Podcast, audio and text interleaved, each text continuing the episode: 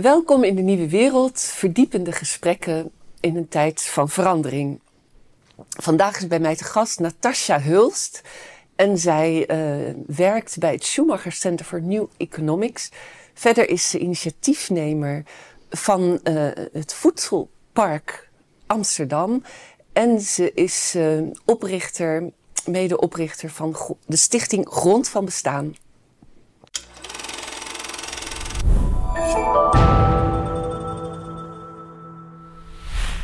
Welkom, Natasja. Maar eerst, voordat ik jou introduceer, wil ik graag nog iets tegen de kijker zeggen. Namelijk dat we uh, met de Nieuwe Wereld uh, bezig zijn met een eindejaarsactie, zoals u wellicht ook al gehoord heeft. En uh, we doen graag een beroep op u voor een kleine of een grote donatie. En dat kan via de link die u onder de podcast of de YouTube-uitzending vindt. Alvast hartelijk bedankt het namens de hele redactie van De Nieuwe Wereld. Natasja, ik ben blij dat je er bent, dus nogmaals welkom. Um, ik heb uh, jou al een tijdje geleden uitgenodigd. Het is er eindelijk van gekomen. En um, dat is eigenlijk omdat, zoals misschien mensen wel weten, uh, ik uh, heel geïnteresseerd ben in het fenomeen van de commons. De commons als een soort eh, derde route tussen meer overheid of meer markt. En uh, ik heb als allereerste interview dan ook hier, uh, het allereerste interview wat ik gaf, gesproken met Thijs Leister, die een filosofie van de commons had. Maar nu ben jij ook iemand die de weg bereidt voor de commons en in Nederland. En ik kwam jou uh, voor het eerst tegen toen we nog niet van elkaars bestaan wisten. Bij de presentatie van een soort Commons Bijbel. Die hou ik even in beeld voor de kijkers. Free, Fair and Alive. The Insurgent Power of the Commons. Dus de subversieve macht van de Commons. Wat eigenlijk een soort van uh, ja, gebruikshandleiding is. Hoe je het gemeengoed, de meent, de commons weer tot leven brengt.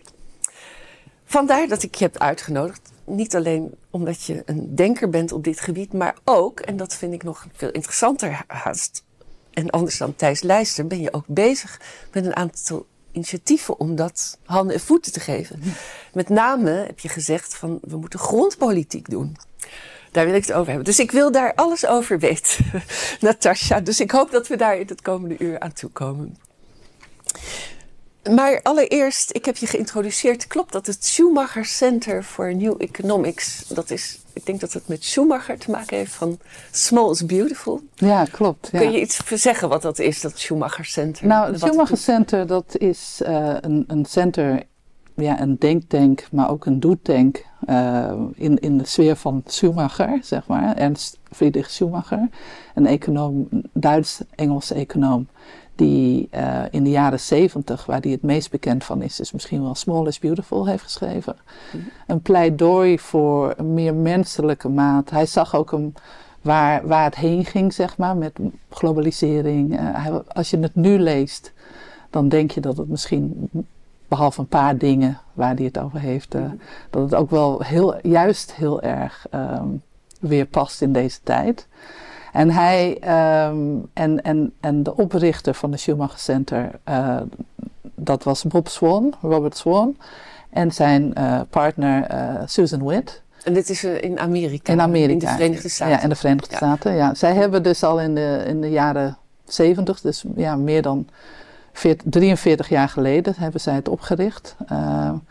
en zij waren ook bevriend met Schumacher, met Fred Schumacher zoals ze hem noemen. Um, ze hebben daar ook zijn persoonlijke bibliotheek. En mhm. daarnaast uh, doen ze heel veel projecten op het gebied van uh, grond, uh, Community Land Trust. Ze hebben projecten rond um, alternatieve geldstromen, dus lokaal geld. En ze hebben ook het programma waar ik aan werk, samen met Grond ook wel, is het Reinventing the Commons program, programma van, van David Bollier die dus ook dit boek heeft geschreven. Oké, dus want bestaat dat al sinds de jaren zeventig? Ja. Ja, Dus 43 tegen de heel, geheel tegen de tijdgeest in, want die werd steeds neoliberaler. Ja, ja, maar. ja, dus ja. dat, die economie werd steeds globaler en harder. Zeg maar. Ja, ja. Meer greep op het leven. Ja. En tegen die stroom in zijn ze over andere vormen van de economie gaan nadenken en gaan praktiseren. Ja, het blijven daarover blijven nadenken. Dus eh, ik denk dat, dat vooral in Amerika natuurlijk, eh, ja, is, iedereen weet dat dat het meest kapitalistisch land is eh, die Mhm. er is. Alleen, ja, Nederland is natuurlijk ook behoorlijk neoliberaal. Maar ehm, zij hebben dus in, ja, dat boek is dus in 1973 uitgegeven. En Susan, eh, die nog steeds de directeur is, zij is al in de 70.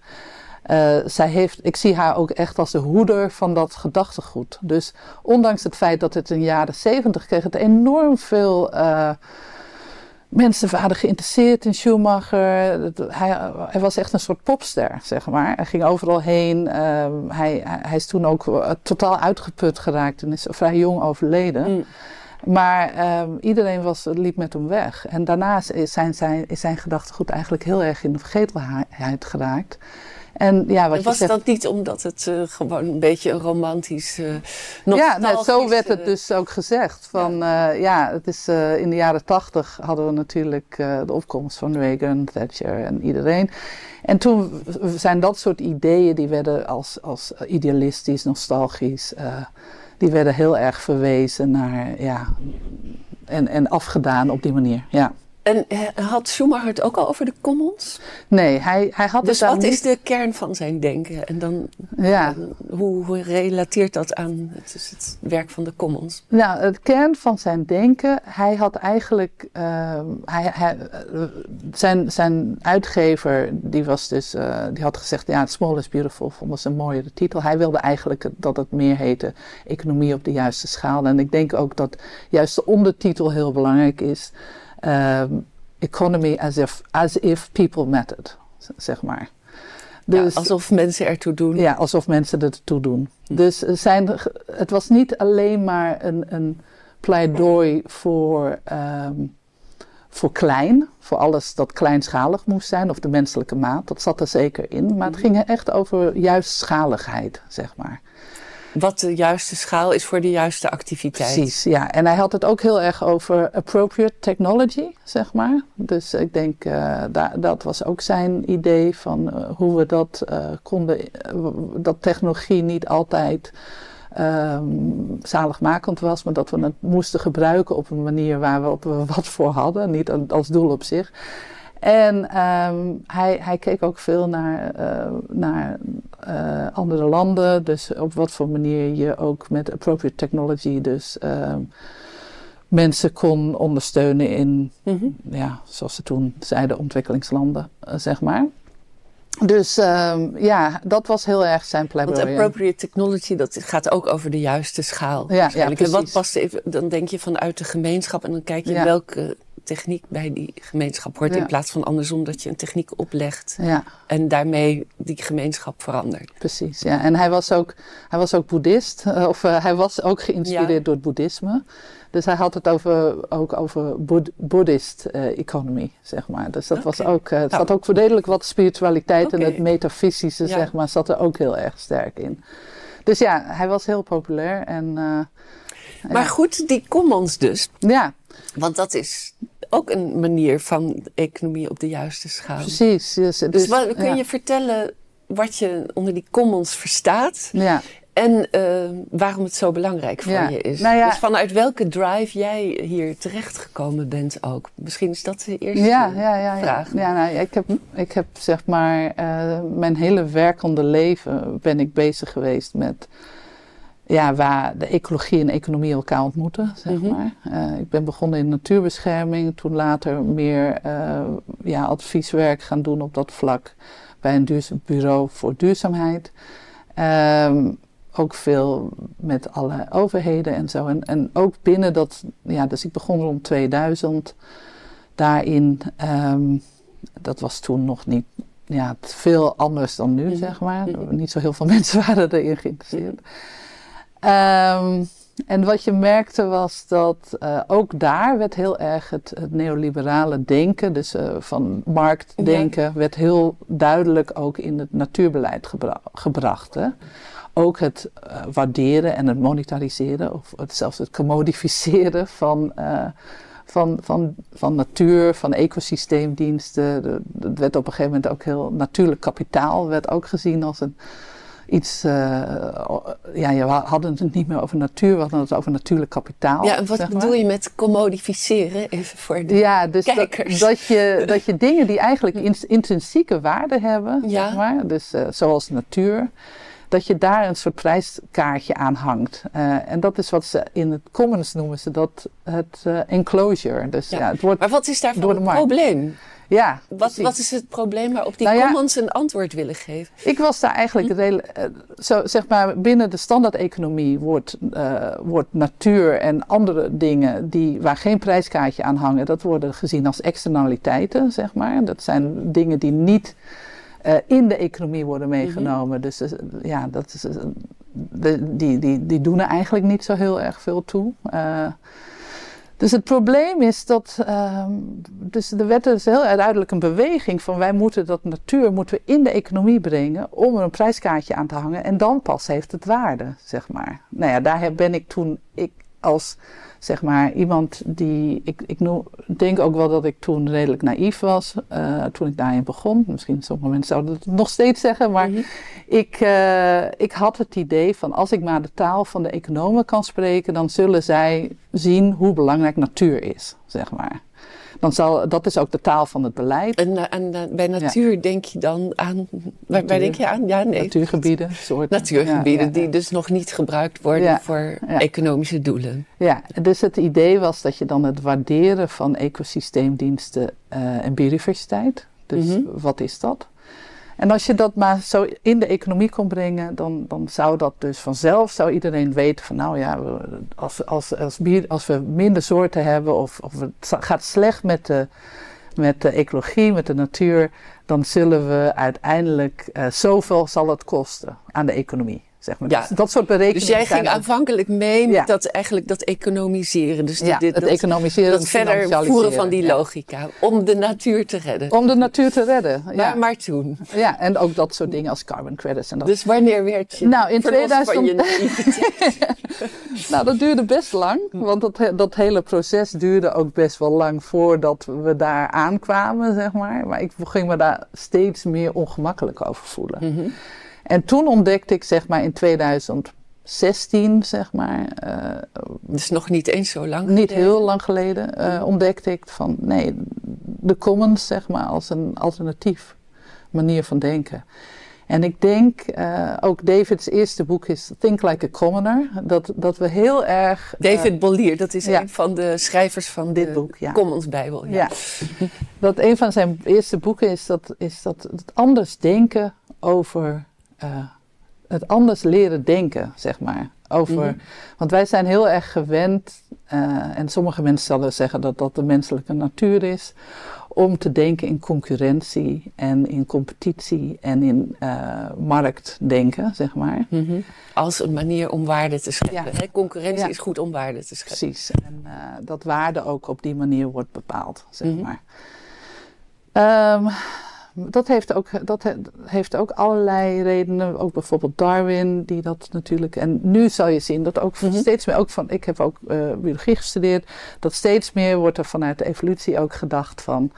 Uh, um, dat dat toch niet helemaal klopt, zeg maar. Dat de mensen, menselijke natuur, maar ook. Uh, ja, überhaupt hoe, een, hoe, hoe wij altijd hebben gefunctioneerd. Dus tot aan het moment dat. Uh, ja, eigenlijk nog niet eens heel lang geleden. -hmm. Tot op het moment dat het uh, privé-eigendom werd ingevoerd.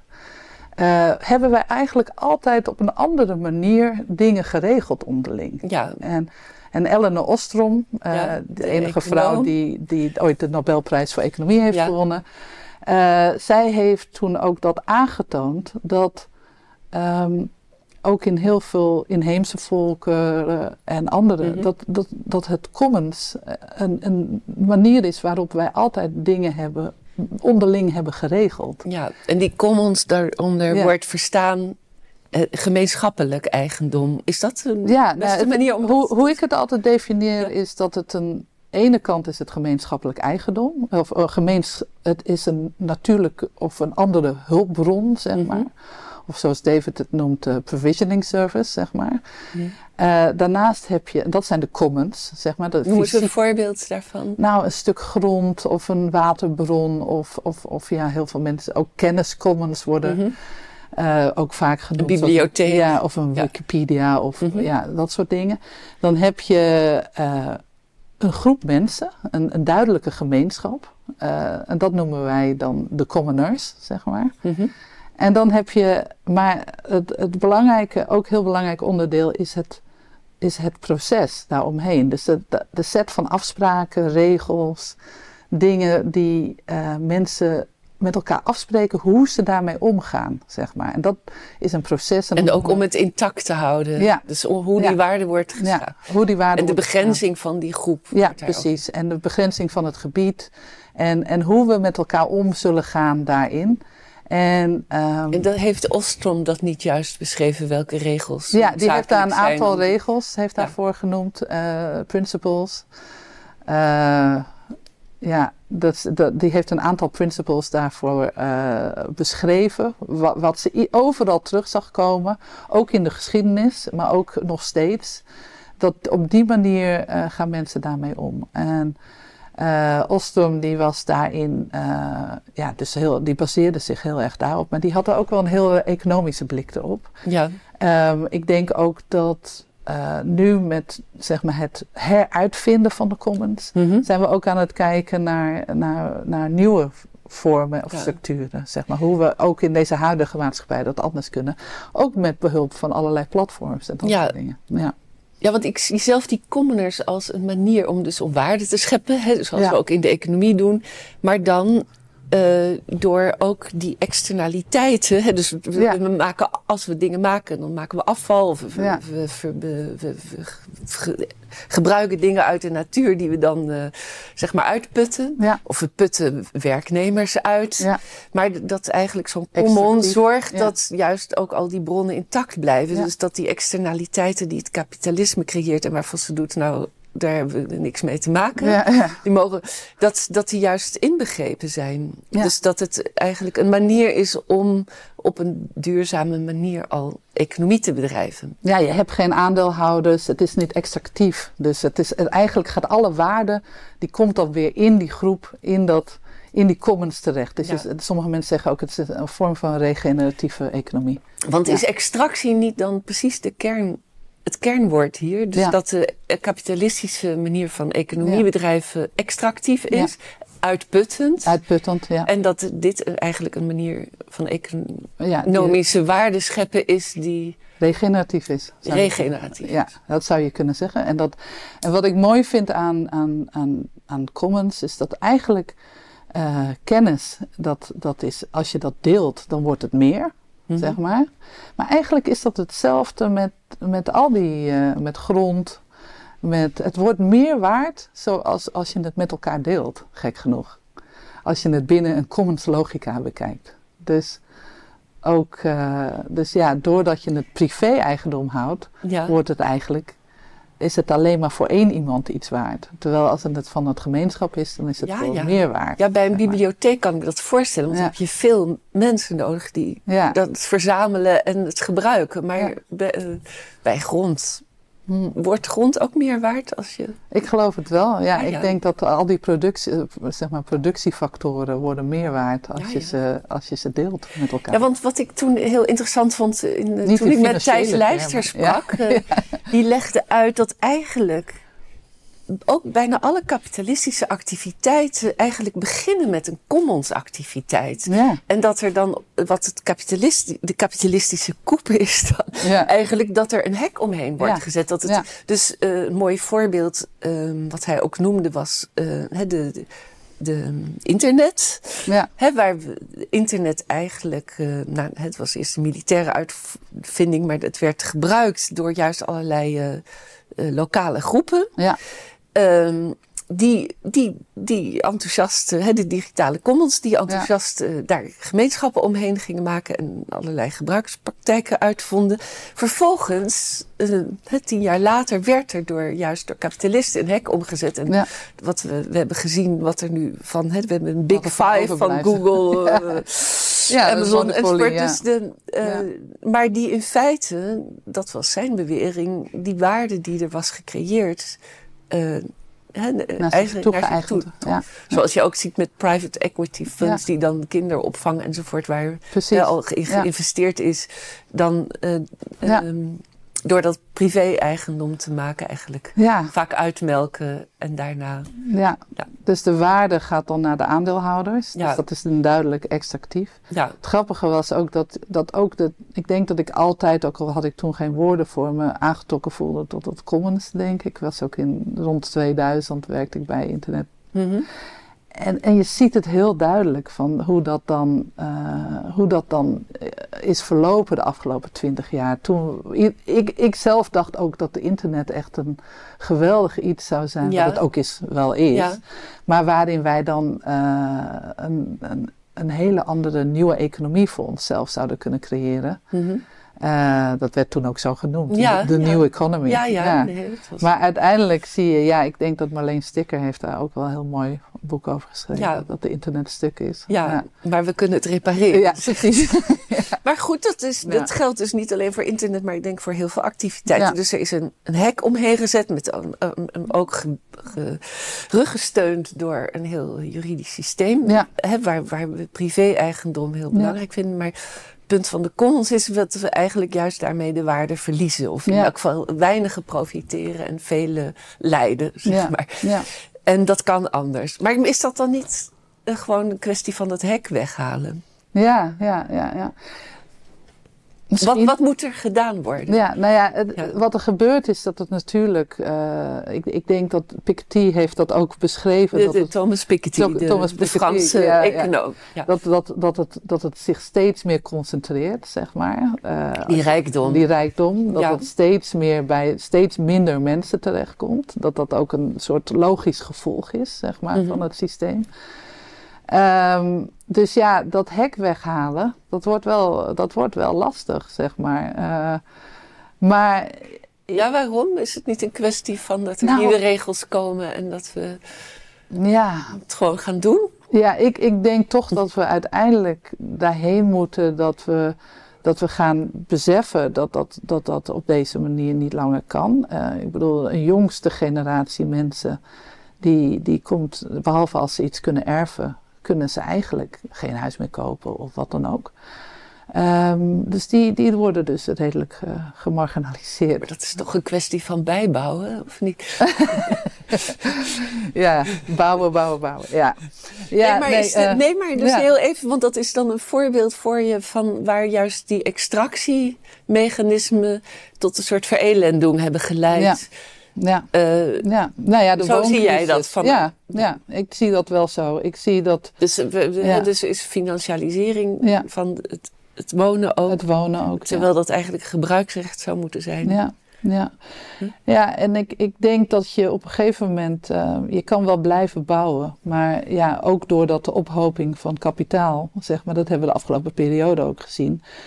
Eh, hoe meer kapitaal in, in minder handen is, hoe makkelijk en hoe, hoe aantrekkelijk het is voor mensen om te investeren in grond en in vastgoed. Eh, daardoor blijven de prijzen dus eh, relatief hoog, Ja. zeg maar. Ja. En eh, nou ja, je kunt dan natuurlijk de revolutie uitroepen. en eh, het is weer allemaal, dus dat, daarom spreek ik Ja, over de ja, derde ja, weg. Je kunt zeggen, nou, en de- die beweging zie je nu eigenlijk ook wel. Ook rond het discours rond de laatste verkiezingen. En de overheid moet weer meer gaan doen. Ja, nee. Ehm, dat is de, de- van de oudste sociaal-democratische oplossing om pu- publieke voorzieningen te creëren. Waar, waar de markt eh, faalt. Eh, denk aan energie of hè, onze watervoorziening is nog steeds een publieke voorziening, gelukkig. ja, dat dat hebben we niet aan wel, ja. Nestlé overgelaten. Nee. Maar, ehm, eh, dus waarom is dat geen oplossing? Ja, ik denk, ik denk dat, het, dat, het, dat het. Ergens is het ook wel een deels een oplossing. Mhm. Maar wat wij zien nu is dat binnen. ehm, is dat de, doordat de markt en de en de overheid zo ontzettend met elkaar verstrengeld zijn geraakt, Mhm.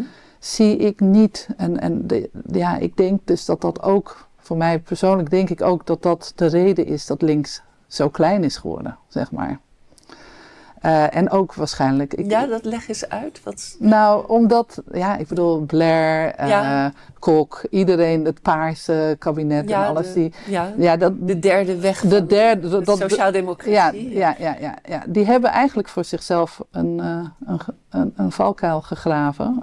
om, waar ze zelf eh, ingevallen zijn, zeg maar. Ja, want ze zijn Ja. meegegaan met die neoliberale logica. Ja. Het, het logo van de derde weg, eh, Ja, het PvdA, was ehm, van we moeten juist al die publieke voorzieningen verkopen. Want dan hebben we meer geld voor de sociaal-democratische doelen zoals onderwijs en zorg. ja. maar je kan niet al je assets verkopen en dan denken dat je. Maar dat- goed, ja. dus is dan. Ja.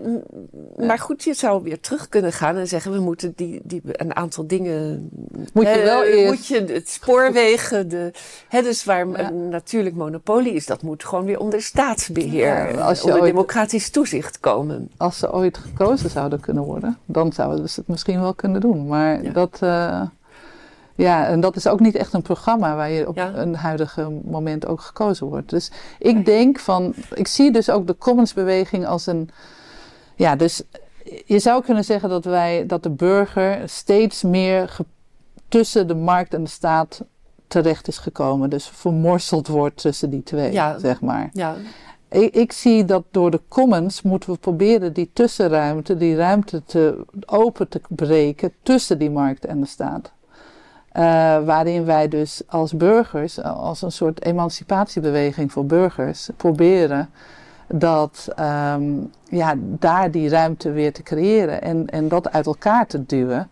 En daardoor ook, ehm, ik bedoel, er wordt nu ook heel veel over gesproken dat je als, als eh, dat, dat de burger ehm, veel meer ja, ehm, actiever moet zijn. Ja. Ook. Of ja, niet moet zijn, maar dat ook wil zijn en op zoek is naar manieren om dat te zijn. Want en waar, dus dat gaat dan over energiecoöperatie. ja, energiecoöperaties, Dus dan- burgerberaden, eh, Land van ons, eh, andere initiatieven die Ja. ervoor zorgen van, nou kijk, wij hebben nu al te lang gewacht. En dat zie je altijd met commons, hè, dat als er een markt of een staat falen is, en in dit Ja. geval allebei, dan komt dat op. Ja, ja, dat, Ja, dat- was in de jaren dertig zo, eh, Ja. van 100 jaar geleden, de crisistijd. Ja. Toen kwamen heel veel coöperaties. Ja, en dat is, samenwerkende en boeren, een soort van golfbeweging. Rabobank. Ja, Ja. Dus het is niet, Dus- misschien dus- niet een eind. Maar dus we zijn niet gedetermineerd, zeg Nee. maar. Ook al eh, hebben we, eh, hè, ook de jongeren, weinig geld en eh, geen woningen. ja. Je, je zegt, je kunt altijd bottom-up beginnen met Ja. zo'n initiatief om Ja. waarde te stichten. En dan ook Dus je proberen... hebt geen revolutie nodig. Nee, nee, ik denk ga, ga gewoon aan de slag. Mhm. Bekende Buckminster Fuller. Creëer een ander systeem waardoor de andere, het oude systeem obsolet wordt, zeg maar. Of eh, niet meer. Ja. Ja, dus ga, aan, ga dat doen. En ik denk dat is het mooie van Commons. We hoeven niet te wachten op het verandering van wetgeving of een nieuw politieke partij. Zeg maar, of, of een, een, een uitslag die ons wel zint, zeg maar. Eh, je kan gewoon beginnen. Ja. Zeg maar. En dat zie je dus nu ook. Overal gebeurt dat ook. En dat is het hoopvolle. Dat is ook waar ander, heel veel mensen sinds verkiezingen het hoopvolle in zien. Van ja, er zijn allerlei mensen, mooie initiatieven. Mensen die niet meer wachten. Die denken nee, nou ik ga dit, die, die mooie wereld ga ik maar zelf creëren, zeg maar. Nou ja, dat klinkt Ja. fantastisch natuurlijk. maar nu nog doen. Ja, Want het is een mooi bruggetje naar het volgende. Want ik wilde... De, jij bent bezig met grond. ja. Met grondpolitiek. En, nou, eh, ja. En dat zie je als grond, zie jij, als ik het goed begrepen heb, ik heb een stukje gelezen wat je een keer voor een pakhuisbijdrage hebt, als een, een cruciaal element in die, in, voor, voor, het Ja. het- voor het maken van waarde volgens de commons logica. Ja. En je had ook hier een mooi stukje van, even, ik lees het even voor. Het probleem van grond als handelswaar, dus daar verzet je je tegen, is Ja. een blinde vlek in zowel beleid als politiek. Geen enkel verkiezingsprogramma behandelt grondpolitiek. En daar moest ik even aan denken, want volgens mij de laatste keer dat grondpolitiek een issue was, was in het enige links kabinet ooit, het kabinet Den Uyl van 73 tot Ja. 77. Den Uyl wilde grondpolitiek bedrijven. En het is eh, eh, gevallen op Daardoor. het is gevallen op grondpolitiek, Ja. omdat ze volgens mij die kleine christelijke partijen, de rechtse partijen, tegen waren. Ik Maar denk, misschien kun je dat. nou ja, ik denk voor- ook dat dat te maken heeft met angst voor communisme, zeg maar. In dat, Ja, want wat, Ja. Wat was toen het issue van de grondpolitiek? Ehm, ja, dat moet ik even terughalen, hoe dat precies zat. Het is, was redelijk... eh, ik, ik, weet, ik heb het wel geweten, maar ik kan Ja. het nu even niet bedenken. Ik heb het ook niet paraat. Maar ik weet wel dat het daarop Nou, gevallen is. En dat het ook voor heel veel Ja. personen, ook Jeremy Corbyn, die wilde zich daar ook aan wagen. Dat het bijna gelijk staat aan politiek zelfmoord, zeg maar. Daarom wil ik het eigenlijk niet over grondpolitiek hebben. Ik wil het hebben over gewoon op een andere manier met grond omgaan. maar goed, waarom is grond, dat is de- denk ik de startvraag, waarom is grond cruciaal? Ja, ja, maar ik wil, ja, dat is dat, waarom het cruciaal is. Ik denk dat het, de manier waarop we met grond omgaan is een, is, ehm, is een onderlegger, zeg maar, of, of, een, of een, is het een belangrijke oorzaak voor zoveel van de dingen die we probe- proberen te bereiken, Mhm. zeg maar, op dit Mhm. moment. Een volhoudbaar voedselsysteem. eh, een, een, eh, dus eh, ook voor, voor heel veel boeren die nu ehm, hebben. Het is niet dat op het moment dat boeren uitgekocht gaan worden, dan Ja. zijn we eigenlijk bezig met banken op te proppen. Ja. Omdat zij grotendeels enorme hypotheeklasten hebben Ja, bij. we zijn de bij banken aan het financieren. we zijn eigenlijk de banken aan het financieren. Dus het zou je kunnen zien als een uitweg, zeg maar, voor heel veel, eh, heel veel boeren die nu eigenlijk ook niet eh, eigenaar zijn van hun grond, zeg Mhm. maar. Dus door. ehm, dus ja, grond is, zeg maar, we hebben het net al over de wooncrisis gehad. Eh, je zou ook eh, een stijgende ongelijkheid zit daar heel erg duidelijk in aan vast. Mhm. Eh, natuur, ehm, de manier waarop het steeds meer intensiveren van, van grond, het, het, ja, het bouwen van of, het bepaalde, zoals distributiecentra bouwen, Ja. waar we straks ja, ook even, dat zijn echt dingen waar je heel veel geld mee kan verdienen, maar waar niemand op zit te wachten, zeg maar. Dus de manier waarop het, de grond heel erg als, als, als investering en ook de manier waarop er gespeculeerd wordt met grond is heel duidelijk. Ja, want grond is nu handelswaar. Ja, Hè, je kunt heel veel geld verdienen met grond. het wordt ook als een soort natuurwet gezien. Uh, ja, er wordt mee gespeculeerd. Ja, Maar wat is het probleem van dat het handelswaar is? Want dat, daar, daar, dat idee van grondpolitiek, dat zegt juist van grond moet geen handelswaar Ja. zijn. Net als eh, wil- geld en net als ja menselijke arbeid precies. eigenlijk. Ja. Hm? Ik wilde nog wel heel even nuanceren dat heel vaak als mensen denken dat ik het hierover heb, denken zij dat ik dan wil dat de grondeigenaar, eh, de grond eigendom is van de staat, zeg maar, van overheden. Dat is expliciet niet waar ik Ja, naartoe want daar, wil. daar ging het bij Uyl wel over. Ja, precies. Ja. Dat was wel bij Den Uyl, ja, Ja. klopt. Eh, voor mij moet daar eigenlijk een onafhankelijke partij, dus een commons, zou dus eh, het, het juridische eigenaarschap moeten hebben. Ehm, dus jouw vraag was net van, wat is het probleem met Ja, grond aan als de- handelwaar? ja, ja. Nou ja, ja. Ehm, het, zoals ik zei, ja, ehm, als je kijkt naar de manier waarop eh, privé-eigendom van grond, dat is, eh, ja, dat is nog maar sinds de 18e eeuw. Dus eigenlijk rond de industriële revolutie is dat ontstaan. Mhm. Ja, of met de, de enclosure of the commons. hè. Ja. Dus dat in, in Engeland was Ja. dat het eerste met, eh, Ja. volgens mij al vanaf de 16e, 17e begon eeuw. toen, ja, ja, begon toen en, en het werd Waar, toen waar de mensen eigenlijk, die, die kleine boertjes of die gemeenschappen werden echt actief onteigend. Ja. En eerst door de landadel. Ja, Ja. precies. Ja. Dus dat, dat werd, en dat in de 18e eeuw was dat dan heel duidelijk, werd dat dan, was dat nog een stap, want mensen Ja. werden toen allemaal naar de steden. Ja, en zo werd het Ja. proletariaat Ja. gecreëerd voor de fabrieken. Van Precies. De, met, Ja, eh, ja, op ja. stoommachines werden aangedreven. Ja, ja. Ehm Natasja, waarom ehm, kan grond geen handelswaar zijn? ja, het is eigenlijk een, een fictief goed, zeg maar. Dus uh, ook al is het zo nu heel erg gezien als een manier waarop je je.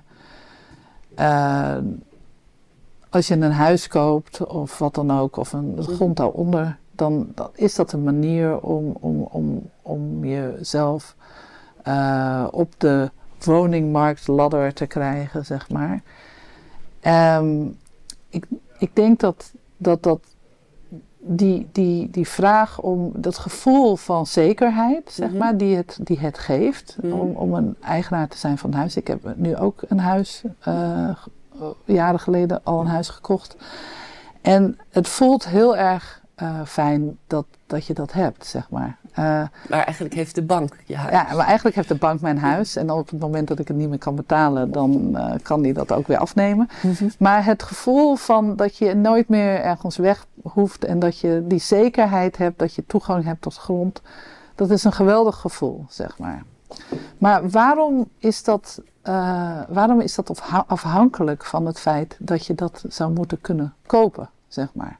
Waarom is het zo dat de grond als handelswaar wordt gezien, terwijl het eigenlijk voor iedereen uh, toegankelijk zou moeten zijn? Uh, wij hebben ooit, ik bedoel, dat zeiden ook, uh, dat zie je bij inheemse volkeren, of, of die, die hebben ook gezegd van waarom is de grond handelswaar? net als lucht, als, als, als, als water, zou het niet iets moeten zijn wat je zou moeten kunnen verkopen. En waarom, als je eraan denkt, zeg maar, als je eraan terugdenkt hoe dat ooit ontstaan is, mhm. zeg maar, hoe grond ooit handelswaar werd, dan was het het idee dat degene die, die daar dan het ging bewerken, die zou dan uiteindelijk degene zijn die daar dan rechten over had. Ja, dat is John Locke. John Locke, uh, precies, ja. En, John, en als je dan meer mensen had mhm. die eraan gingen werken, dan had je meer grond. En dat was natuurlijk ook uh, met mensen die je voor je werkten. Daarmee kon je dus steeds meer grond krijgen. Ja, maar het idee was dat je daardoor juist waarde schiep. Ja, je, dus dat het idee van John Locke was dat, hè, dus dat je, op het moment dat je grond ontgon, was het jouw eigendom. Ja, precies. Maar daarmee was zijn idee juist dat dat de economie bevorderde. Ja, ja vanuit zijn perspectief was dat zo. Omdat het natuurlijk waren heel veel. Het was een hele andere tijd. Ja. Uh, maar het was toen ook al. Was het niet een idee waar uh, iedereen, denk ik, evenveel uh, mogelijkheden voor had, zeg maar. Dus degene ja, het die. schiep gelijk ongelijk. Ja, ja, ja, precies. Dus het idee dat, uh, en dat is op een gegeven moment ook in Amerika, als je dan slaven had die dan voor je werkten, dan kon je dus ook steeds meer grond hebben, zeg maar. Um, maar ja, als je er heel erg, als je het even, ja, de, als je even helemaal terugdenkt en denkt van ja, goh, hoe kan het nou zo zijn dat bepaalde mensen wel de toegang hebben tot grond en anderen niet? Mm -hmm. uh, en hoe, uh, ja, hoe kunnen we dat dan weer, zeker nu dat alles steeds meer geconcentreerd wordt bij minder mensen en er wordt geen grond bijgemaakt. Het is iets wat, wat een beperkt iets is, zeg maar. Hoe kunnen we ervoor zorgen dat, dat, dat er gewoon, uh, ja, dat er, dat er uh, steeds, dat je evenveel toegang kan creëren en evenveel mogelijkheden hebt voor ook voor mensen die dat niet hebben. Ja. Ja. ja, want dus eigenlijk door de huidige grondpolitiek, want het is ook grondpolitiek natuurlijk, dus die, die neoliberale of die heel sterke kapitalistisch gedreven soort grondpolitiek wordt een bepaald stuk grond veel meer waard. Ja. Waardoor juist zeg maar, de gemeenschap helemaal geen gebruik meer kan maken van die grond. Precies. En dus dat betekent ook dat we slechts heel weinigen kunnen bepalen wat het doel is van die grond. Ja, precies. En ik, ik heb daar een concreet voorbeeld bij waar ik me een paar jaar geleden in verdiepte. Dat waren de de grote datacenters uh, die geplaatst werden in de Wieringermeer. Dus er is nog een hele casus geweest in de Zeewolde. Dat is afgeblazen. En ook in, bij de Eemshaven is. Maar dat gaat om vele voetbalvelden, 30 voetbalvelden vol. Met dus uh, enorme lelijke bakken van Microsoft en Google enzovoort. Die dan de data van de hele wereld daar installeren. Want Nederland wil digital mainport van Europe zijn. En uh, dat ging dan in de Wieringenmeer om een stuk grond van hele vruchtbare aardappelvelden, zeg maar. En die, uh, Dan is er een rijke boer die verkoopt zijn grond. Nou, zeg voor 40 miljoen verkoopt hij zijn grond. Binnen een half jaar is dat drie keer doorverkocht en is het het twaalfvoudige waard. Precies. 500 miljoen. Ja. En, uh, en dan is het, wordt het aan uh, Microsoft gehuurd. Ja. Die gaat er dus van die lelijke dozen neerzetten op velden. Je kunt er geen huizen meer bouwen, je kunt geen aardappelen meer verbouwen of wat dan ook. Je kunt er uh, geen energie meer opwekken. Er gaat heel veel, bovendien nog heel veel schoon water en heel veel van onze En eigen energie, energie heen, enzovoort. ja. Maar die grond kun je dus nooit meer terugkopen Nee, voor dat uh, mega bedrag. nee. En dat lijkt me een mooi voorbeeld van wat er gebeurt als je grond tot handelswaar bestempelt. Ja. Dus de, de mensen uit Noord-Holland kunnen niet meer iets vanuit hun politieke doelen doen met die grond. Ja, nee, dat klopt. En ik zal je zeggen dat in, uh, nou ja, dat was dus ook de reden dat ik hierbij kwam. Kwam ik ook vanuit het idee van, ja, ik was al heel lang bezig met, een, met voedseltransitie. En hoe je een duurzaam voedselsysteem, volhoudbaar voedselsysteem, uh, die, uh, die voor mens en, en aarde uh, goed was, zeg maar. Um, en waar, uh, dus, dus in 2017 uh, ontdekte, was ik daarmee bezig. En uh, we hadden het dus over van allerlei barrières die er zijn. Er wordt heel veel over gesproken dat de consument meer moet betalen. En, en allerlei andere dingen die worden ingezet om het voedselsysteem te verduurzamen, Mhm. zeg maar. Mhm. Maar waar helemaal weinig mensen over praten, is het feit dat de grondprijzen, dus we hebben de hoogste grondprijzen in uh, de wereld, ondertussen voor In landbouwgrond Nederland, in ja. Nederland. Op dit klein, en dan kunnen mensen zeggen, ja, maar het is wel een heel klein land en uh, ja, daarom is er gewoon heel veel druk op de grond. Nee, we hebben heel veel landbouwgrond, relatief. Um, Nou, een vruchtbaar land. ja, we zijn de vruchtbare delta, Ja. zeg maar. Dus ja, we hebben heel veel landbouwgrond, relatief veel. Uh, in Frankrijk hebben ze daar bijvoorbeeld hebben ze bepaalde regels daarvoor afgesproken. Dat de grondprijzen niet alleen maar enorm toenemen. En hier is het zo dat het, dat het eindeloos uh, toeneemt. Dat er gewoon uh, 200.000 euro voor een hectare wordt afgerekend. Ja, ja. In, Die ja. onzichtbare hand van de economie Ja. wordt helemaal vrijgelaten. Ja, en wat Ja. kan je daarmee verbouwen? Je kan niet als boer, kan je niet uh, een model hebben waarin je op een duurzame manier voedsel verbouwt voor mensen op grond wat zoveel kost. Ja, ja. Ja, Dus het is voor jou ook vanuit dat ecologische Ja. doel, naar een, een duurzame voedselvoorziening, ja, dat je zegt dat grond cruciaal is. ja. Ja, en ik denk dat dat dus een enorm blinde vlek is. Dat het zo is dat op dit moment natuurlijk veel mensen die erven grond uh, en gaan door in een boerenbedrijf. Maar nu op dit moment zijn er enorme generatie uh, overdracht zeg maar, van grond. Dus Ja. veel boeren, dat is ook een groot probleem, die willen stoppen. Ze hebben geen opvolger. Dus wat gaan ze doen? Ze gaan de grond verkopen. Wie gaat uh, voor, de, voor de marktwaarde? Mhm. De marktwaarde wordt enorm omhoog geda- gedre- Ja. gedreven door dit soort dingen. Dat, dat er bijvoorbeeld datacenter, distributiecentra op kunnen worden gebouwd.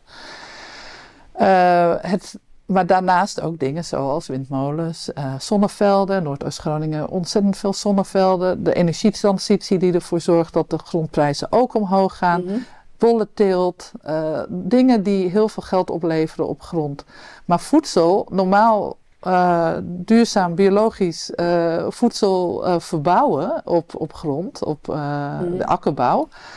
Of dat kan eigenlijk dan niet op het moment dat je het voor die prijzen Ja, gaat verkopen. In feite ondermijnt het een democratische principes dat mensen zeggenschap, zeker Ja. zeggenschap hebben over hun eigen bestaan. Precies. Dus want je kunt dan wel democratische rechten hebben, maar als de grond van een ander is, kan je dus niet bepalen wat voor waarde er gecreëerd wordt. Ja, en ik zou zelfs zeggen dat, dat we naartoe moeten dat er veel meer democratisering van de ruimte is, zeg maar.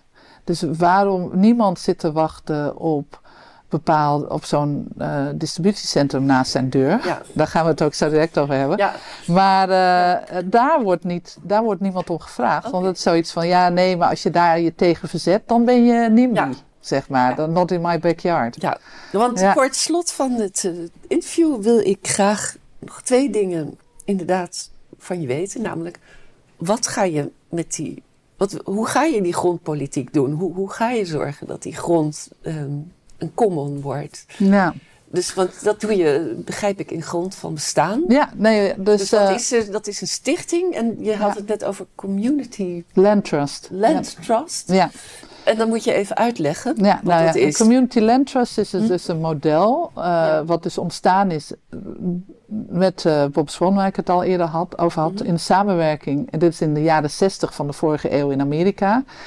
Hij ontmoette in de gevangenis, eh, hij was daar opgesloten omdat hij eh, actief was in de burgerrechtenbeweging, Mhm. had hij, ehm, ontmoette hij de neef van Martin Luther King, Slater King. Mhm. En zij hadden dus samen het idee van hoe kunnen we ervoor zorgen dat eh, zwarte boeren toegang hebben tot grond Mhm. in Amerika. Door racisme en andere, doordat ze geen geld hadden, was dat heel moeilijk. vooral in het zuiden. Dus het is eigenlijk een heel mooi verhaal. Zij waren deels in- geïnspireerd door Gandhi, die van dorp tot dorp ging en aan mensen vroeg: Mhm. eh, kan je grond schenken aan landloze boeren? eh, aan je landloze eh, medemens, zeg maar.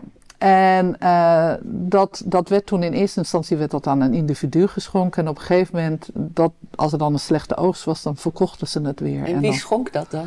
eh, mensen met, met grond, dus eh en die deden dat uit altruïsme? Ja, ja, ja, ja, die deden dat omdat ze. Gandhi zei van ja, het is niet eerlijk. Er zijn zoveel mensen, boeren die geen grond hebben. Of geen toegang Ja, tot ja. grond. Schenk die grond. En dat Dus dat deden ze waren dan. kapitalisten die toch niet die logica... Nou ja, of ze hadden op een of andere manier die grond eh, ooit in bezit gekregen. Maar dat deden ze in ieder geval. Maar dat werd dan geschonken aan de individuele boer. Die had toen het idee van, nou ja, slechte oogst, nou, eh, kan niks. Nou ja, die verkocht het dan weer door. Toen kwam het dan uiteindelijk weer terecht bij. eh, dus zijn idee, eh, eigenlijk de, zijn, zijn leerling, eh, die had op een gegeven moment de, het idee om, dat heette de Gra- Gramdan Movement, om te vragen niet aan de individu te schenken de grond. Dus die ging ook van dorp naar Mhm. dorp wandelen, kilometers, een hele lange tochten door India. Mhm. En die vroeg dan, eh, wilt u, dan werd die grond geschonken aan de gemeenschap. En dat was dan het, de inspiratie eigenlijk voor de Community Land Trust. Dus het was niet in privé-eigendom, maar het was de eigendom van de En gemeenschap. wat betekent een land trust dan? Het Land Trust, en dat is gebaseerd op het idee van, van wat ze in anglo-saxische landen hebben, is een trust. Trust law, dat is eigenlijk een, een rechtsvorm die eigenaar kan zijn van grond of geld. Wordt ook veel gebruikt om belasting te ontduiken en dat soort Ja, maar dingen. dan is er een groep die... ja, nee, En is het dan een dorp of wat voor die... ja, die kan een trust beginnen, Mhm. zeg maar. En het idee is dat je daar dan grond aan kan schenken, zeg maar. En dat de trust eigenaar wordt. Ja, ja, en dat principe bestaat ook binnen het recht. Want we hebben, privé-eigendom en Ja. publiek eigendom. Maar bestaat deze vorm... Nog niet Is in dit een derde vorm van... Dus eigenlijk een andere vorm, ja. Dus, Ja. Want grond van bestaan wil dat dan proberen Wij willen dat die- model van de Community Land Trust willen we hier. En, en hoe dat dan werkt is dat je een, je hebt een onafhankelijke partij. Eh, je hebt een, de gebruiker Ja. en je hebt de gemeenschap. En die belangen worden dan samen in het bestuur, zeg maar, van, van, die, van die Community Land Trust, die worden dan samengebracht. En die houden elkaar in balans. Dus de onafhankelijke partij die kijkt naar de ecologische en sociale voorwaarden en dat het niet meer verkocht gaat worden. Dus die, heeft daar een, die is eigenlijk een soort steward owner, zeg maar, van die, van die grond. De, de, de gebruiker, de boer of de ander die daar eh, dagelijks bezig is met die grond, die, die begrijpt wat hij daar moet doen. Die eh, heeft een belang omdat hij daar al zijn leven op zit. En dat je daar ook zekerheid aan biedt. Zolang die daar op een goede manier mee omgaat. Eh, ja, en die, die dingen kan je het samenstellen. klinkt als een heel idealistisch idee. Ja, maar het heel bestaat. ambitieus. Ja. Het. Want je zegt dat, dat, dat model uit wat in India... Nou, nee, nee, in, in Amerika In. Amerika? Ja, dus ja. het- En dat is dus de eerste en, eh, community. dat, ja. dat past daar wel binnen. De, juri- want ze Ja, hebben daar wel deze wel, ja. juridische vorm. Maar in Nederland hebben we dat niet. ja. Nou maar ja, jij, jij wil dat toch in Nederland gaan proberen. Het op een andere manier te gaan doen. Ja, en dat door middel van een, van een stichting en een lokale commons vereniging of, of die elkaar dus ook in balans houden, zeg maar. Ja, en, en Ja. doen jullie dit al? Ja, dat doen dus we is er al. grond in Ja, ja, ja, we hebben eh, Henry Menting van het Veerhuis. Ja, Die heeft als eerste heeft hij zijn grond geschonken aan eh, Grond van Bestaan, Stichting Grond Ja. van Bestaan. En Henry, eh, die, die heeft, dat zit in Varik, dus aan de Waal. Die heeft het idee van, ja, ik zou heel graag de grond vrij willen maken zodat het eh, niet meer verkocht kan worden over generaties. Überhaupt niet meer generaties. verkocht? Ja, überhaupt niet meer verkocht. Dat is het idee. en kun je dat wettelijk zo regelen? Ja, daar zijn we mee bezig. Ja. Maar dat zijn moeten we wel, want ja, de hele juridische systemen en de economische systemen in, op dit moment, niet alleen in Nederland, maar ook in andere landen, Mhm. die zijn niet ingericht op commons, zeg maar. Dus wij Ja. moeten proberen met dat binnen dat huidige juridische en fiscale en economische financiële systemen, daar dan een soort van nieuwe infrastructuren en een soort van hacks op te bedenken, waarin we dat wel kunnen Ja, je, wilt binnen de huidige structuur, je wilt niet zeggen dat de wetten moeten gewoon veranderen. Er moet ook Nee, eh, nee, want in dat- de wet moet verankerd worden dat er gemeenschappelijk Misschien op termijn. Ja, op termijn maar misschien is wel. dit- Nieuw Is bestemmingsplan. dit een heel klein stukje land? Dus of wat, wat, wat? Nee, dat is nog maar een heel klein stukje. Ja. Het zit dus daaronder. eh, Nou, relatief klein. Het is het, stuk onder, onder het veerhuis dus. Met eh, een klein voedselbosje daar vast. En eh, de tuin, zeg maar. Ja, Maar het idee dat, dat Henry, die heeft dat dus deels met crowdfunding gedaan. Maar deels Ja. heeft hij gewoon ook gedacht van nou... eh, mijn kinderen, hij heeft- eh, vijf kinderen, heeft vijf of ja, ongeveer vijf kinderen. En daar heeft hij toen eh, ook tegen gezegd: Nou ja, sorry, jullie erven het niet. Ik vind het belangrijker ja. Dat, er, dat er goede dingen blijven gebeuren in het veerhuis. Eh, en dat dat niet eh, op een gegeven moment verkocht wordt door mijn erf. Die denken, nou dan verkopen dan wordt het een Van der Valk hotel of Ja. zoiets. Ja. en, en wordt Ja. dat dus nu ook door een gemeenschap gebruikt? Dus er is Ja. gebruiksrecht Ja. gegeven. En wat gebeurt er nu met die Nou, het is een, het is een, eh, het is een, een centrum voor ja, nieuwe economie, zeg maar. En Henry, die is, ook, die is daar ook heel actief mee bezig. Die is ook met een kruiwagen naar Parijs gelopen. Omdat hij wil dat de grond, eigenlijk de, wat hij zegt, de hele aarde op de werelderfgoedlijst is. Eigenlijk wil hij dat de hele aarde eh, vrij wordt, van zichzelf wordt. Dus alle grond. Ja. En hij is alvast begonnen, zeg maar. Mhm. En er zijn dus, eh, vreemd genoeg, eh, ja, het- wij dachten, wij creëren dit, deze, deze stichting. En wij maken die structuren zo, ook in onze eigen statuten, maar ook eh, in samenwerking met lokale gemeenschappen, proberen we ervoor te zorgen dat het, dat, nou ja, dat is dus wat ons enige doel is, dat het onverkoopbaar wordt, de grond. ja. En door het in gemeenschapseigendom te maken, is het eigenlijk. Want je kan onteigening door de overheid kan je eigenlijk nooit eh, helemaal uitsluiten, Mhm. zeg maar. Mhm. Maar als het van een gemeenschap is en niet van een individu, heb je eigenlijk meer kans dat het onteigening moeilijker wordt, zeg maar. Ja, ja. dus eh, doordat heel veel mensen Je eigenaar zijn, werpt- werpt praktische hobbels op. ja, en dat is niet op zich het doel, maar Ja. het idee is dat we het niet kunnen verkopen. En heel veel overheden ook gedragen zich in, in, Ja. eigenlijk als, als marktpartijen op de grondmarkt. Dus ehm verkopen Maar ook. ik, ik, ik, ja. je, je laat dus zien dat het in principe mogelijk Ja. Maar ehm, het is nog wel eh, een spel de knop. Want je wilt, als, als ik je doel goed begrijp, dan gaat het erom dat eigenlijk alle grond, ehm, of zoveel mogelijk grond, ja, en wat we eh, hiermee willen doen. Ja, wordt. ja. Ehm, want hoe ga je dat eh, voor elkaar krijgen? Nou ja, ik Want bedoel, jullie willen het begonnen ook met. eh, kopen. Want je, hebt, je hebt geld nodig, toch? Ja, Om maar wij kunnen dus ook samenwerken. Mm. Nou, in principe willen we het gewoon. eh, zijn er best wel wat mensen die bereid zijn om het te geven. En dat Mhm. is uiteindelijk wel waar we heen willen, dat het eh, gegeven wordt. Ja. En dat of we doen het met de gemeenschap, kopen we het vrij. Dus een soort van crowdfunding-achtig initiatief.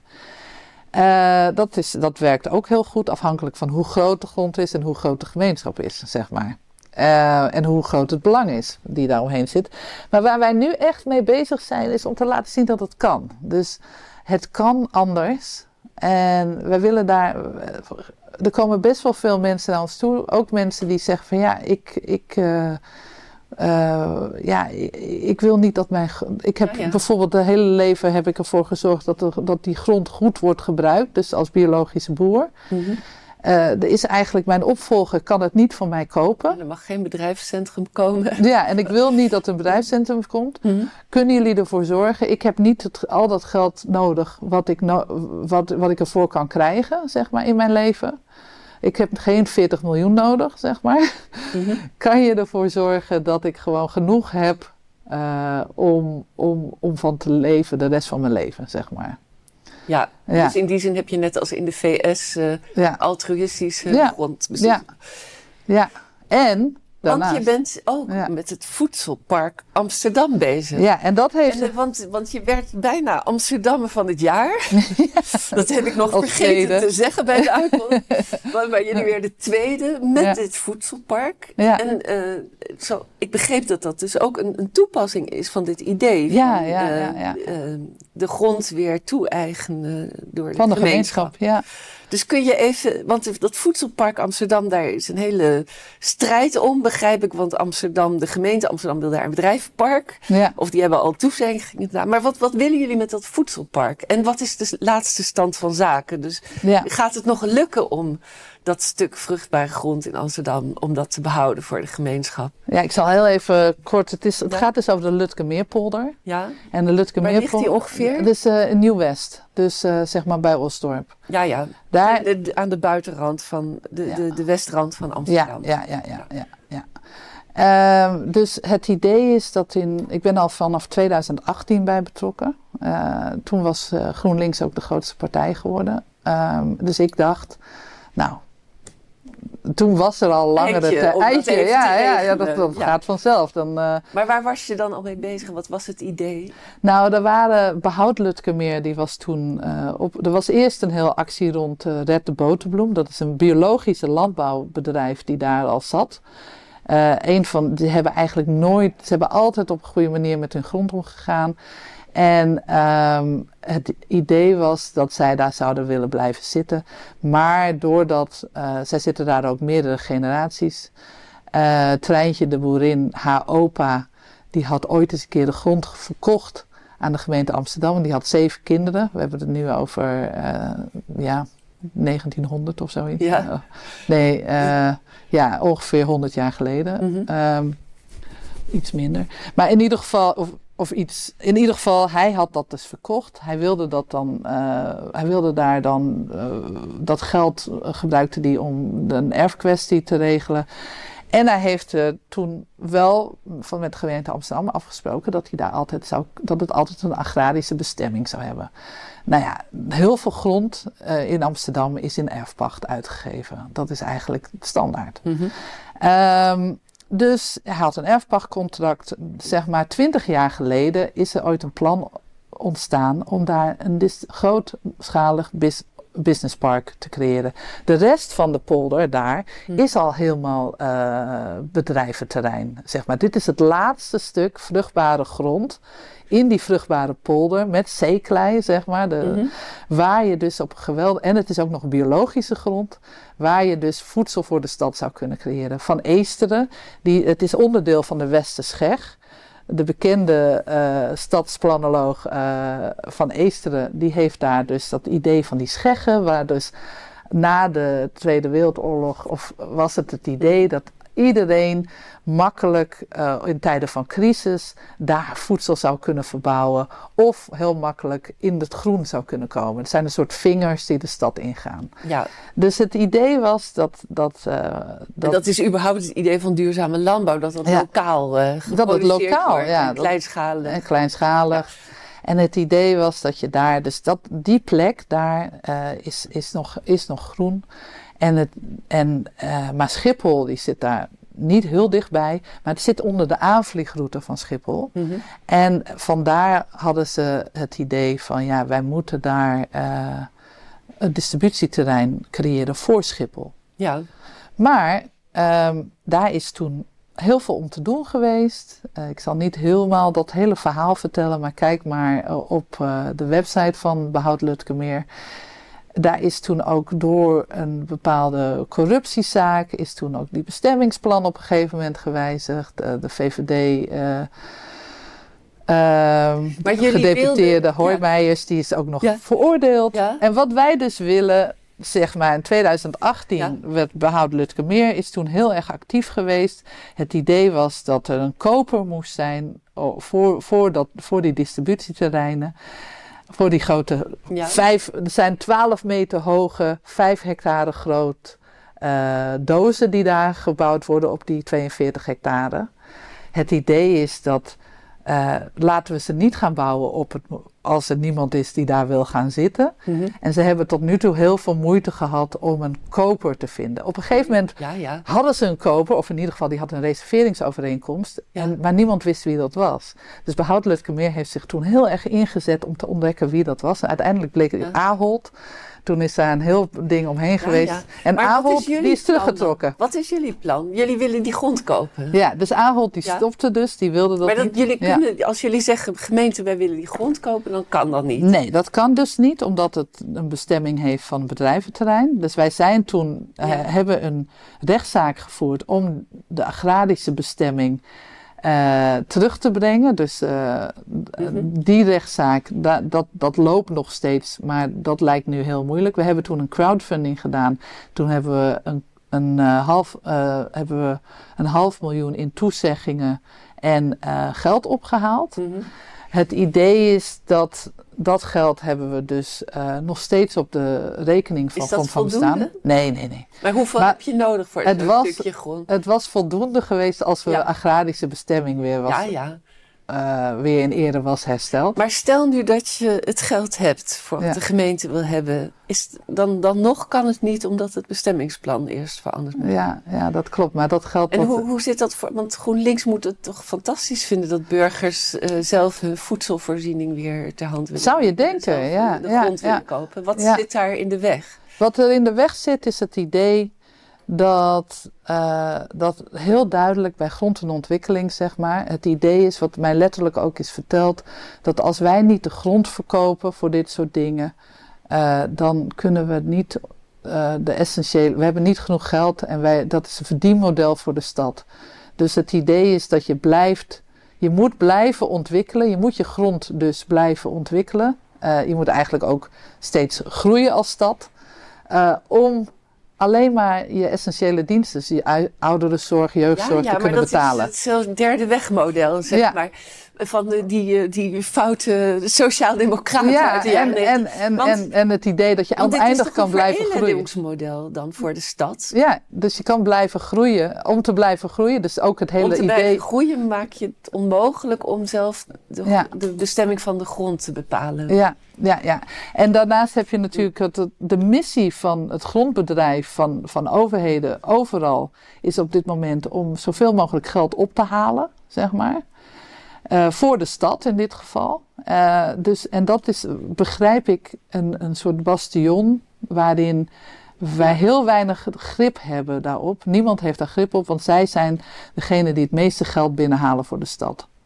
En ook het idee dat je steeds meer moet verdichten, waarin je steeds meer dingen vol moet bouwen, weesp erbij, eh, steeds meer moet blijven bouwen, omdat we maar moeten blijven groeien, zeg Ja. maar. Maar dit- want hetzelfde was in de Wieringermeer. Dat Ja. was ook vanuit een groeigedachte. Terwijl in feite voor spiegeltjes en kraaltjes die grond verkocht wordt. En het, ik zie het eigenlijk, eigenlijk als een soort kolonialisme. Of, of, hè, dus dat, dat het een wingewest wordt. ja, eh, in plaats van dat dus hè, eh, wij zelf als Amsterdammers, Ja. ik woon zelf niet in Amsterdam, maar of als Nederlanders beschikking hebben over wat, wat, wat, waar die grond voor gaat. nou ja, en ik zal nog even vertellen, het is dus ook totaal geen logische plek om een mega groot distributiecentrum. Het is slecht Ja, bereikbaar. Ja, ja.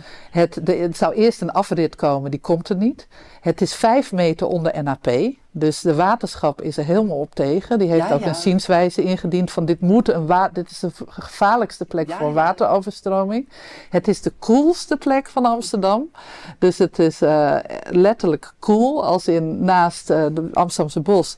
Creëert het heel veel verkoeling voor Nieuw-West. En met het hitte-eiland effect eh, creëer je, als je daar 42 hectare plat dak neerzet, is dat weg, zeg maar. En daarnaast, ja, weet je, Amsterdam groeit. We hebben gewoon steeds meer plek nodig waar mensen kunnen recreëren, waar ze kunnen voedsel, waar ze echt in het groen kunnen zijn. En Maar dat is, kortom, Amsterdam, de gemeente Amsterdam moet via die commons logica gaan denken van hoe ze waarde scheppen Ja. voor de gemeenschap. precies. En, en wat, wat, wat, wat is nu, want we zijn aan het einde, dus wat ja. Is nu de hoop voor de Lutkemeer? Dus kan het nog zo komen dat juist dit voorbeeld van. Nou, wij willen dus niet alleen het behouden van de Lutkemeerpolder. Ja. Wij willen eigenlijk, uh, wij hebben dus dat plan, zeg maar, dat Voedselpark Amsterdam plan. Ja, ik heb uh, dat kan je kijken op de website. Het idee, dat, dat hebben wij mhm. samen met de stedenbouwkundige en landschapsarchitect, hebben we dus een alternatief, een heel mooi uitgewerkt alternatief van wat daar anders zou kunnen. En wat waar misschien geen financiële waarde, maar enorme waarde voor de stad. Het is eigenlijk een enorme kans voor de stad om daar dat voedselpark te creëren. En we hebben steeds meer mensen nodig die laten zien dat ze, dat ze achter dit plan staan en niet voor dat distributieterrein. Bij dat distributieterrein is dus in Nieuw-West een van de armste wijken van Amsterdam. Waar de helft Denk stemt en de andere helft PVV, zeg mhm. maar. En de mensen daar die worden gemiddeld 12 jaar minder oud dan gemiddeld iemand die in het centrum of in het zuid woont. Dus wat er dan ook gaat gebeuren is, je creëert meer warmte, meer fijnstof. En een gevaar, ook, ook heel veel uh, criminaliteit, zeg maar, in zo'n distributiecentrum. Dat in Aalsmeer hebben ze daar heel veel problemen mee. Dus op alle vlakken is het eigenlijk heel erg onwenselijk. En dat, en maar als, dat beseft de stad toch ook? Nou, zij beseffen dat en zij zeggen, wij hebben er buikpijn van. Ik heb met wethouders gesproken van, van, van PvdA, van, van, van GroenLinks, van D66. Dat is de coalitie in mhm. Amsterdam. En die zeggen allemaal, met de kennis van nu hadden we het anders gedaan. Dan hadden we dit niet zo aangepakt. Maar wij zitten vast in afspraken. En dat is heel duidelijk met investeerders, uh, maar ook met een publiek-privaat partnership. Dus de Schiphol Area Development Company, waar zij zelf aandeelhouders van zijn. Mhm. Samen met gemeente Halemeer, gemeente Schiphol, uh, of, Schiphol uh, en, en provincie Noord-Holland. Zij zijn degene die het aan het ontwikkelen zijn. Dus dat is duidelijk zo'n neoliberaal iets, is dat, is dat uh, publiek-privaat partnership waar zij in zitten. En, waar ze niet onderuit kunnen. Ja, maar is dat werkelijk niet er onderuit kunnen of is het waar een wil is, is een weg? Nou, dat is wat wij zeggen. Waar een wil is, is een weg. We hebben nu al drie hectare hebben we kunnen beschermen. We willen de rest van die 60 hectare ook beschermen. 12 hectare is nog steeds bestemd als landbouwgrond. Daar willen we alvast gaan beginnen met het voedselpark. En we willen die rest van, dat, van die waardevolle polder met dat prachtige landschap. Kom kijken, we hebben eens in de maand hebben we een wandeling die je kan doen daar.